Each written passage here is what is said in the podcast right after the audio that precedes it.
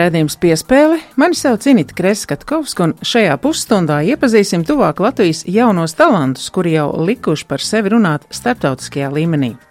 Šonadēļ lidostā Rīga atgriezās pasaules čempionu vecumā līdz 20 gadiem svarcēlāja Rebeka Koha un Ritvers Suharevs. Vieglatlēte Kristīna Bažēviča izcīnīja sudraba godalgu Eiropas čempionātā vecumā līdz 18 gadiem septiņcīņā, bet peldētāja Ieva Maļuka, vēl būdama 14 gadus un 2 mēnešus veca, laboja Latvijas pieaugušo rekordu peldēšanā. Viņa bija viena no jaunākajām dalībniecēm junioru čempionātā, kur nācās sacensties pat ar trīs gadus vecākām sāncensēm.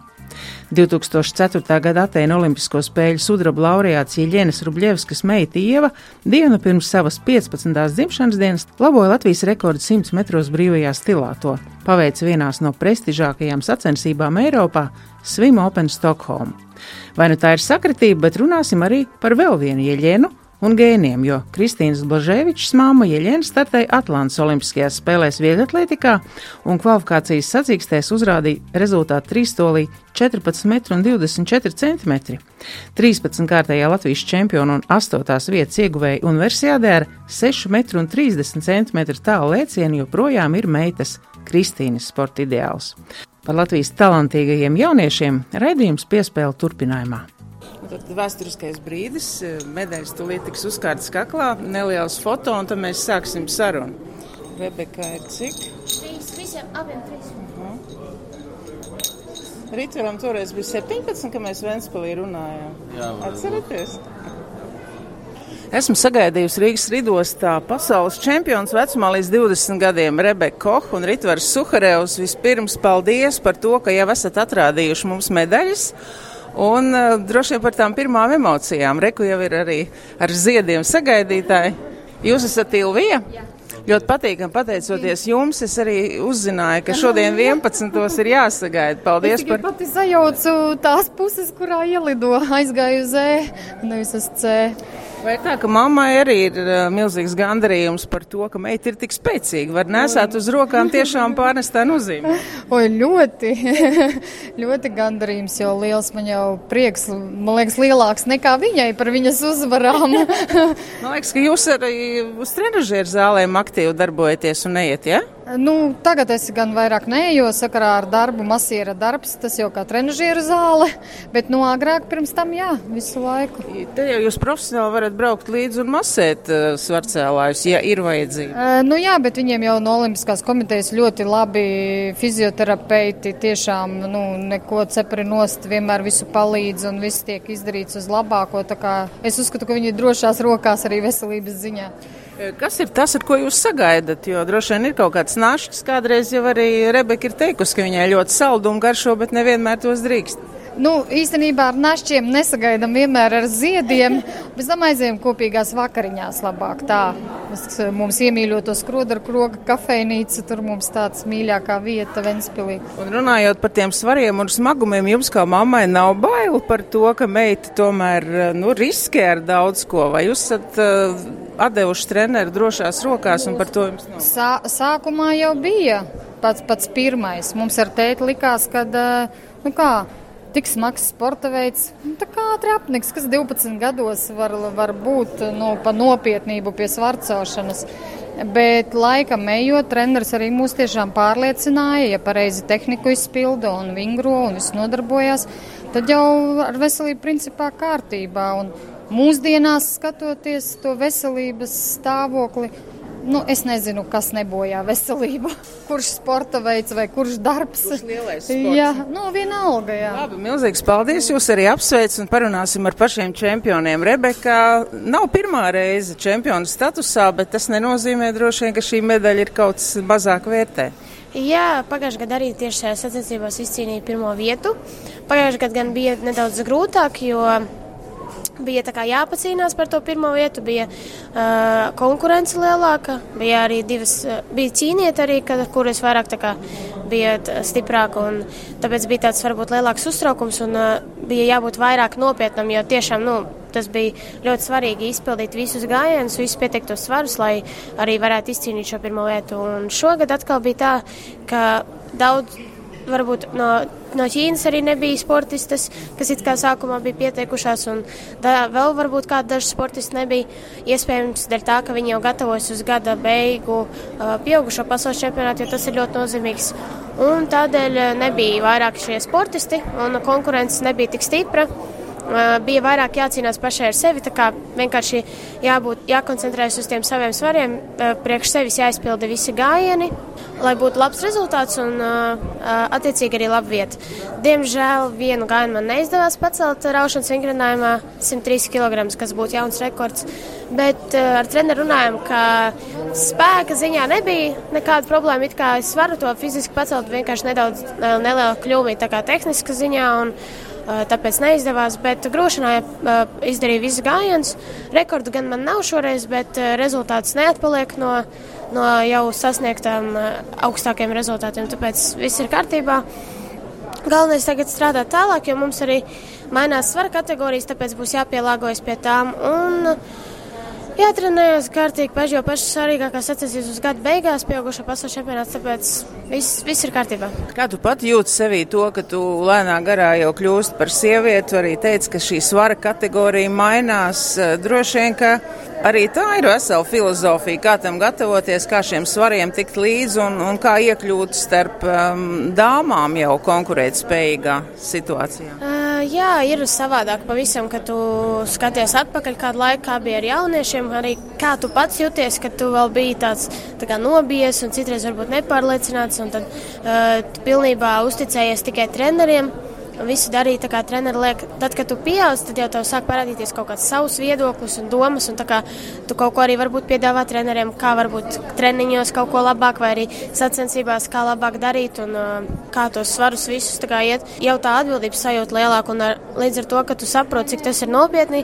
varbūt nedaudz grūtāk citreiz, jo tad tu saproti, ja tu kaut ko neizdarīsi, visa atbildība ir uz tevi un tu būsi pievīlis kādu vai arī neiz, neiznāks tas rezultāts, ko vajag. Un tāpēc vienmēr diezgan nopietni tam visam jāpiet. Un, eh, jo vecāka grupa, jo nu, pieaugušāk paliek eh, konkurence, jo diezgan grūtāk un arī jāmēģina pielāgoties pie tiem pārējiem, varbūt sportistiem. Kā, kā, tu nevari vairs ja braukt uz sacensībām ar tādu pašu noskaņojumu kā kādreiz uz jauniešu sacensībām.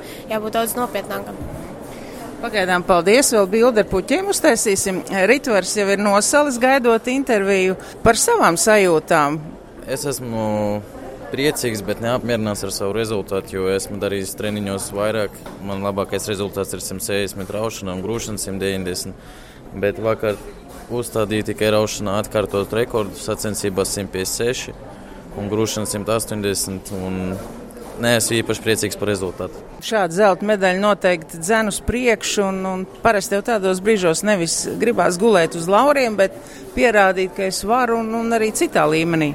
Motivācija ir tagad uh, kvalificēties uz Olimpiskajām spēlēm vislielākā. Tagad censties arī nākamā pēc pāris mēnešiem pasaules čempionāts pieaugušiem. Tur labi nostartēt, parādīt labāku rezultātu. Jo mums jau sākas tagad kvalifikācijas uz Olimpiskajām spēlēm no šī gada. Un tad eh, censties kvalificēties uz Olimpiskajām spēlēm. Jautājums tāds pats kā Rebekai par to pārēju uz pieaugušo grupu. Un Rebekai jau bija iespēja Olimpiskajās spēlēs pierādīt, ka viņa ir ļoti tuvu tam visam, arī piedestālam. Kā jums ir šī pārēja? Pa pieaugušiem ir jau mazliet grūtāk, bet man vēl viens gads paliek junioros. Rebekai vairs nē, es vēl varu nostartēt pa junioriem. Grūtāk paliek, vairs nav tik viegli. Jācīnās ir ar lielāku rezultātu, un ar sevi jācīnās, un ar režīmu jācīnās, ar visu jācīnās. Kas ir tas uh, atļautais dopings, ko svarcēlāji lieto, lai jūs varētu kļūt spēcīgāki un ikdienā? Es atceros savu laiku ar Rēmonu Bergmaņu māmu sarunā par to, ka ļoti daudz karbonādes pa dienu ir jāpēd. Kas ir tas, ko jūs cerat tagad aizbraucot mājās, vai ir arī tiešām spēcinoši ēdieni, kas jums palīdz? Nu, es pārsvarā gaļu ēdu. Man tagad, ja es uzņemšu svaru kategoriju citu, un es tagad ēdīšu pilnībā visu, gan saldumus, gan gaļu. Man viss patīk. Jā, mums svarcelējiem viss patīk gandrīz. Es atceros, kādreiz treniņu nometnē Sadlerā svarcelājiem viņi ar lielām karotēm ēd melnos ikrus. Tas it kā arī palīdz muskuļu basai un, un spēkam. Jā, es personīgi pats neēdu zivs produktus. Es varu tikai gaļas produkciju. Bet kā katram, varbūt kādam vairāk patīk gaļa, viņam tas spēka dot citam zīves. Visbeidzot par treneru lomu, cik uh, būtiski ir arī tas, ka gan Viktors Čerbatīs, gan Edvards Andriškevičs ir te jūsu treneru sastāvā un ir ikdienā blakus un diktē to disciplīnu, cik es saprotu arī diezgan nopietni, kas ir visa panākuma pamatā trenera loma ir vissvarīgākais. Es uzskatu, tāpēc, ka bez trenera nekas nebūtu izdevies, jo treneris iegulda savu laiku, savus rūpes, visu mūsos. Un viņš ir mana ģimene. Es uzskatu, ka Edvards un Viktors ir mana ģimene. Tāpēc, ka viņi par mani rūpējas ne tikai par sportu, bet ārpusē arī gan par mācībām, gan arī sportā, gan vispār visā situācijās dzīves režīmā. Paldies, Ritvar, lai jums izdodas piepildīt savus arī olimpiskos sapņus un izbaudiet šo savu zelta medaļu tagad. Paldies, Lasīs! Tas ir ļoti pašsaprotami, kad Latvija sauc, tad tur nav variantu. Tu vienmēr saki, ka jā. Es cenšos ar katru spēli palikt labāks, katru spēli augt. Tad, kad jau ir uh, sezonas beigas un, un starpsezona, tad tu vari palikt vēl labāks spēlētājs. Redījumā piespēle, kā jau solīts, mēs sarunu turpinām ar Kristīnu Bažēviču. Nolikātojas atgriezusies ar izcīnīto otro vietu no Eiropas jaunatnes čempionāta vecumā līdz 18 gadiem. Vēl esi skolniece, šī medaļa izcīnīta septiņciņā, kas nu, ir viena no sarežģītākajām un smagākajām vieglatlētikas disciplīnām. Vai tu piekrīti, ka tā tas ir? Jā, tas ir daudz smagāk, un man ir ko salīdzināt. Es arī pagājušajā gadā piedalījos pasaules čempionātā tālēkšanā. Fiziski, gan psiholoģiski to nevar salīdzināt. Daudz viņa ir daudz, daudz grūtāka.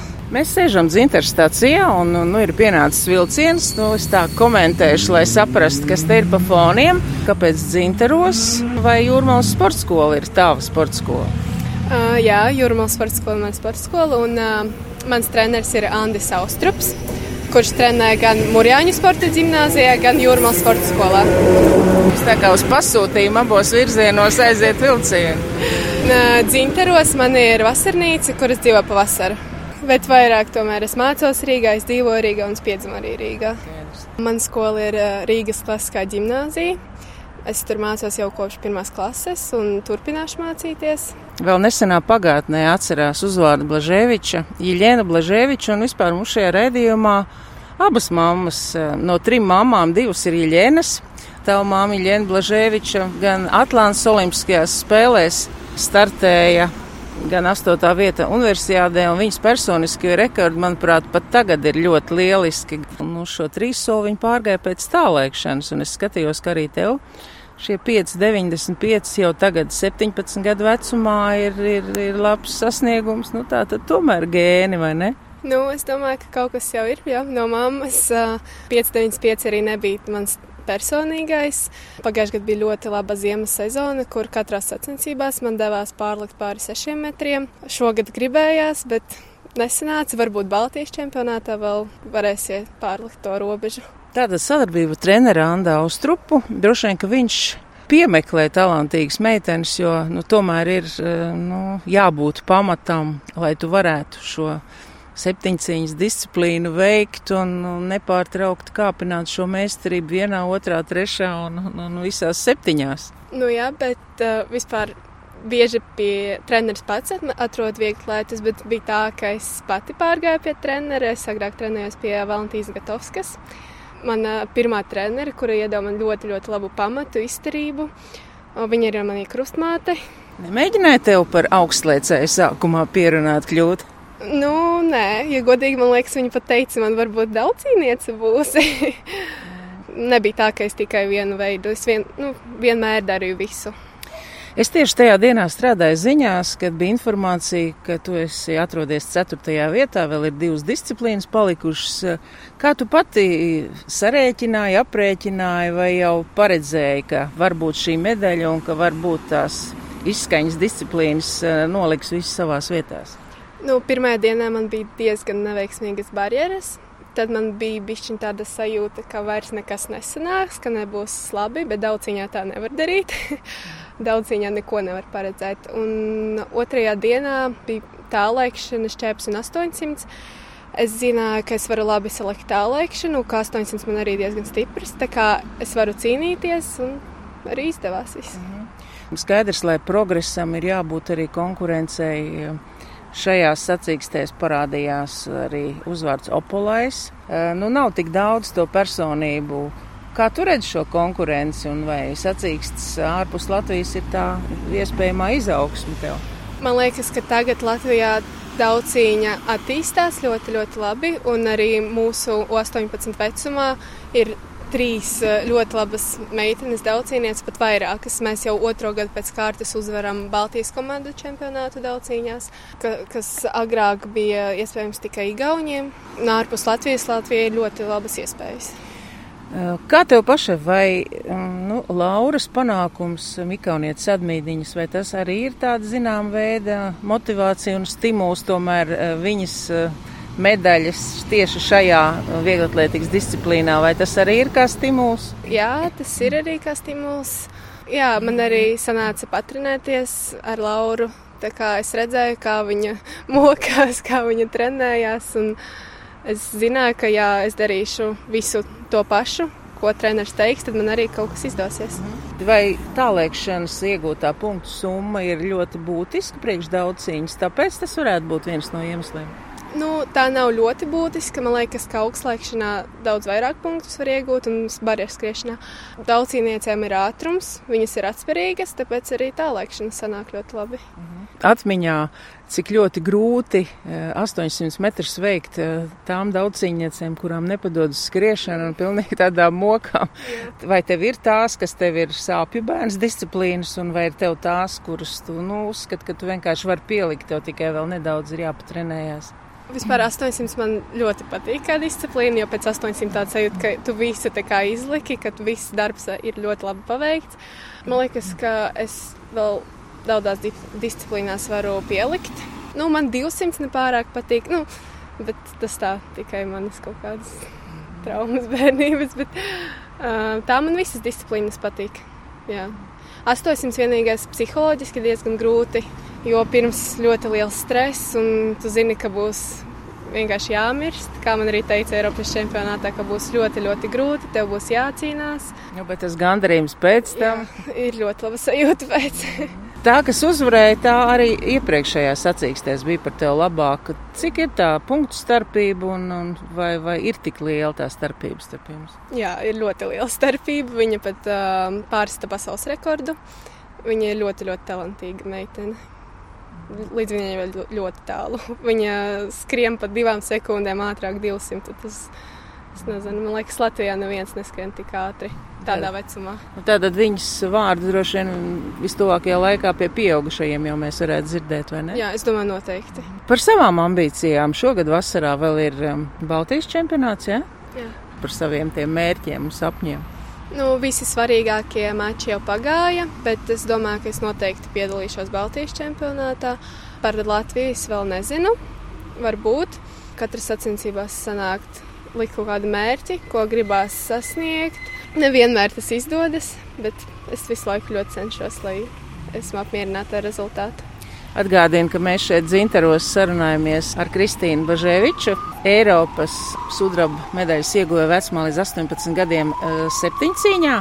Protams, ka šie nākotnes mērķi ir svarīgi, un man patīk arī sportistiem jautāt par to, kas ir viņu hobiji, kas ir tās lietas, no kā jūs eh, spējat relaksēties, jo nevar tikai sportot un mācīties un skriet vai vasar, tas arī tas ir veids un, un iespēja šeit aizmirst uz dažām stundām par to lielo sportu? Man ļoti palīdz un patīk gatavot. Tas, kas man palīdz gan sportā, uzturēt sevi formā, tīpaši man patīk gatavot visādus veselīgus ēdienus. Man patīk gatavot desertus, kur ir no tādām neparastām lietām. Par šo desertu recepti tie, kas garšīgi gatavo, tie ar laiku kļūst apaļīgi, bet tie, kas nodarbojas ar sportu, laikam tas uz viņiem neatiecas. Jā, Patīk gatavot visādus desertus, piemēram, saldā kartupeļa braunijus, eh, visādus melno pupiņu braunijas. Nu, tādas neparasti neparast ingredienti, bet beigās sanāk ļoti, ļoti garšīgs ēdiens. Var teikt, ka tu savās ballītēs vai dzimšanas dienās pati gatavo un eh, visiem par to ir prieks un ir katreiz kaut kādi jauninājumi, ja? Nu, jā, tikpat labi man gat patīk gatavot arī neveselīgus ēdienus. Un tie būtu? Kādi cepumi vai uh, Red Velvet kūka. kur ir daudz kalorijas. Jā, jā kur ļoti daudz kalorijas un tāds trekans krēms kaut kāds vai cheesecakes. Labi, te mūsu sarunas noslēgumā varbūt uh, nedaudz tādas filozofiskas pārdomas. Tu teici, ka tu pati atradi savu treneri, Un uh, droši vien arī no treneru tu esi kaut kādas filozofiskas uh, pārdomas guvusi. Kāda ir, kāda ir viņa ieteikumi tev uh, nākotnē? Laikam Andris Austrups jau nav no tiem, kas ļauj gulēt uz lauriem un tagad saka, nu tad sudraba medaļa, tagad kādu laiku būsim mierīgi. Nu jā, viņš laiku saka, ka ja tikai uz priekšu. Arī sacensībās laikā atgādina, ka nevajag baigi daudz domāt tikai koncentrējies tam veidam. Ja kaut kas neizdevās, skaties tikai uz priekšu, vienmēr. Skaties uz priekšu, mēs savukārt turēsim par tevi īkšķus, un uh, lai tev nākotnē izdodas pārspēt visas Latvijas līdzšinējās rekordistas, uh, kas esi tu pati tā arī esi nākotnē, un lai tev veiksmi ir sabiedrotā. Paldies! Maratonā, kad tu skrieni distances laikā, ja kāds tev vēl uzmundrina un nosauc tavu vārdu, tu to dzirdi. Pirmā uzvara bija tad, kad es biju pionieru nometnē, tas bija 66. gadā, es vinnēju bumbiņu mešanu. Treneri Jūlija, mēs esam ķīpsels basēnā un uh, droši vien, ka ik vienas sacensības, kurās audzēknis vārds tiek pieminēts, uh, jums ir arī tāda zināma motivācija turpināt strādāt un Eh, šoreiz mēs vairāk runāsim par jūsu audzēkņu ievu. Kaut gan, protams, jums ir arī cits audzēknis, kas būtu pelnījušas, eh, lai par viņiem runātu. Droši vien jums kā trenerei tā liekas, vai ne? Nu, Ieva man ir vislabākā audzekne pašlaik. Nu, viņai vēl viss priekšā. Nu, es tā gribētu ticēt un cerēt. Mēs zinām, ka arī Lietuvieta 15 gados laikam kļuva par olimpisko čempionu. Peldēšanā jau tas vecuma cenas ir diezgan tāds pazemināts kā citos sporta veidos. Ir tā? Ir tā. Arī 15 gados var daudz ko sasniegt. Un pirmās vietas un olimpiskais spēles un pasaules čempionātus ir tāda pieredze Jā. Eiropā. Kā veidojās jūsu sadarbība ar Ievu, jo daudz kas jau ir izdarīts eh, līdz 15 gadu vecumam. Jā, bet Ievu es pamanīju jau ļoti, ļoti sen, kad viņa vēl nodarbojas ar dailekšanu. Un es skatījos uz viņu un brīnējos, cik viņa ilgi vēl turpinās lēkt, jāiet jau peldēt. Jo viņai augums ot, bija tāds - jā, jā, jā. Viņai augums bija labs peldēšanai un ūdens izjūta. Fantastiska. Jau jau klausās, nedrīkst jau slavēt viņas klātbūtnē, bet ir tie talanti, kas dzimst reizes simt gados, un droši vien, ka tie dimantiņi ir jāslīpē. Un, Vai jūs uh, uzskatāt, ka Latvijā ir tā iespēja, vai tomēr jo ātrāk prom, jo labāk? Es uzskatu, ka Latvijā ir, Latvijā ir iespēja, un tas ir daudz atkarīgs no trenera, daudz atkarīgs no audzekņa, no atbalsta, no ģimenes, no federācijas. Tā kā nu, vajag, lai viss kopā saliktos, un tad viss būs kārtībā. Mammai Ieļenai paukošana bija tas viņas vadošais. Uh, vadošais uh, meitai ievai peldēšana. Kā to varētu raksturot? Nu, varbūt ievai daudz ir no tēta. Tēti tā kā sportistus nepazīstu, bet Lienai peldēšana bija vissliktākais veids no pieciem. Soli pa solītim, lai izmantotu šo talantu, izmantotu jau esošos rekordu labojumus un tomēr nu, sasniegtu arī 2020. gada Tokiju, zināms, ka ievai ir arī tā saucamā SOK stipendija, kas ir tiem talantīgākajiem, lai nu, tāds kaut vai neliels atbalsts būtu gatavojoties Olimpiskajā ciklā? Nu, mēs darīsim visu, lai Ieva tiktu uz tām Olimpiskām spēlēm. Ir jābūt Latvijai labākai un, protams, jāmēģina pildīt A normatīvu. Tad jau precīzi var teikt, ka viņa tiks uz turieni. Bet es domāju, ka iespēja ir. Mums ir jāizmanto un jādara viss, lai to sasniegtu. Kas, jūsuprāt, ir mainījies Lietuvā kopš šīs olimpiskās medaļas, vai arī mums ir vajadzīgs atkal piedestāls, lai Latvijā varētu vairāk tapt peldbaseini, jo tas precedents, ka tie peldbaseini jau top, bet it kā tā nejauši, bet ne tie vajadzīgie metri, kur no, nu varētu sacīkst rīkot. Cik es zinu, lietuviešiem ir uh, naudas apjoms, ko viņi ieguldīja sportistus, ir uh, krietni lielāks nekā pie mums, bet uh, tas ir pateicoties medaļām. Tad varbūt mums vajag arī izcīnīt kādu medaļu. Nu, to arī jums vēl, Jā, jums ir tagad lielajās sacensībās, un tad varbūt oh, ieraudzījis Latviju, o, oh, tomēr ir peldētāja un ir peldēšana. Un būs peldbaseini. Un būs peldbaseini olimpiskie. Paldies jums par sarunu, veiksim jums, un es turpinu ar Ievu. Labdien, Ieva! Dien! Nesen tu esi kļūst tikai 15 gadus vecs, ir tā? Jā. Tā tad vēl principā mammai pie rokas visur jāiet. Tā sanāk. Arī vizuāli tu esi līdzīga olimpiskai vicečempionai modernajā piecīņā. Mēs jau ar treneri izrunājām par, par tām vai likumsakarībām vai nejaušībām. Kā tu sajūti, vai daļlēšana bija nejaušība, ar ko tu sāki, vai, vai tā bija tāda likumsakarība, ka tu sāki nodarboties? Nē, tas bija noteikti mammas lēmums. Tas ļoti labs sporta veids bērniem attīstīt koordināciju un vēl kaut ko tur, gan jau var attīstīt. Mamma tur aizvedāja pie rokas un man ļoti patika un vienkārši tā sanāca, ka es pēc tam aizgāju uz peldēšanu, kaut kā tā salikās tie apstākļi. Nu, tu jau tagad esi labojos arī Latvijas rekords. Ir arī peldētājs, kas Latvijā vēl ir ātrāks par tevi, tā kā ir kur pielikt. Un kādu vispār tu sev esi uzstādījusi? Vai dzīves mērķis tev ir peldēšana, vai pagaidām tas ir tas process, kurā tu ej uz to olimpisko ciklu un mēģini būt labākā? Tad jau redzēs, bet nu, pagaidām jā, man ir mērķis tikt uz olimpiādu, tur parādīt sevi, paskatīties, ko esmu spējīga, tad strādāt tālāk. Un, laiks viss parādīs. Par slaveno Felpu mēdz teikt, ka viņam ir uh, milzīgas rokas un lielas plaukstas. Un, uh, Peldētājiem jau laikam ir uh, vajadzīgs arī pleznas kājas, liela izmēra. Kā tu raksturotu peldēšanas, mūsdienu peldēšanā, ko var sasniegt, talants ir, bet nu vēl arī laikam tie nu, fiziskie parametri ir vajadzīgi. To noteikti var uztrenēt un tas var parādīties. Un, protams, ne tāpat viens, tur jāiegulda ļoti daudz darba, bet tas viss ir ļoti iespējams un vienkārši vajag strādāt.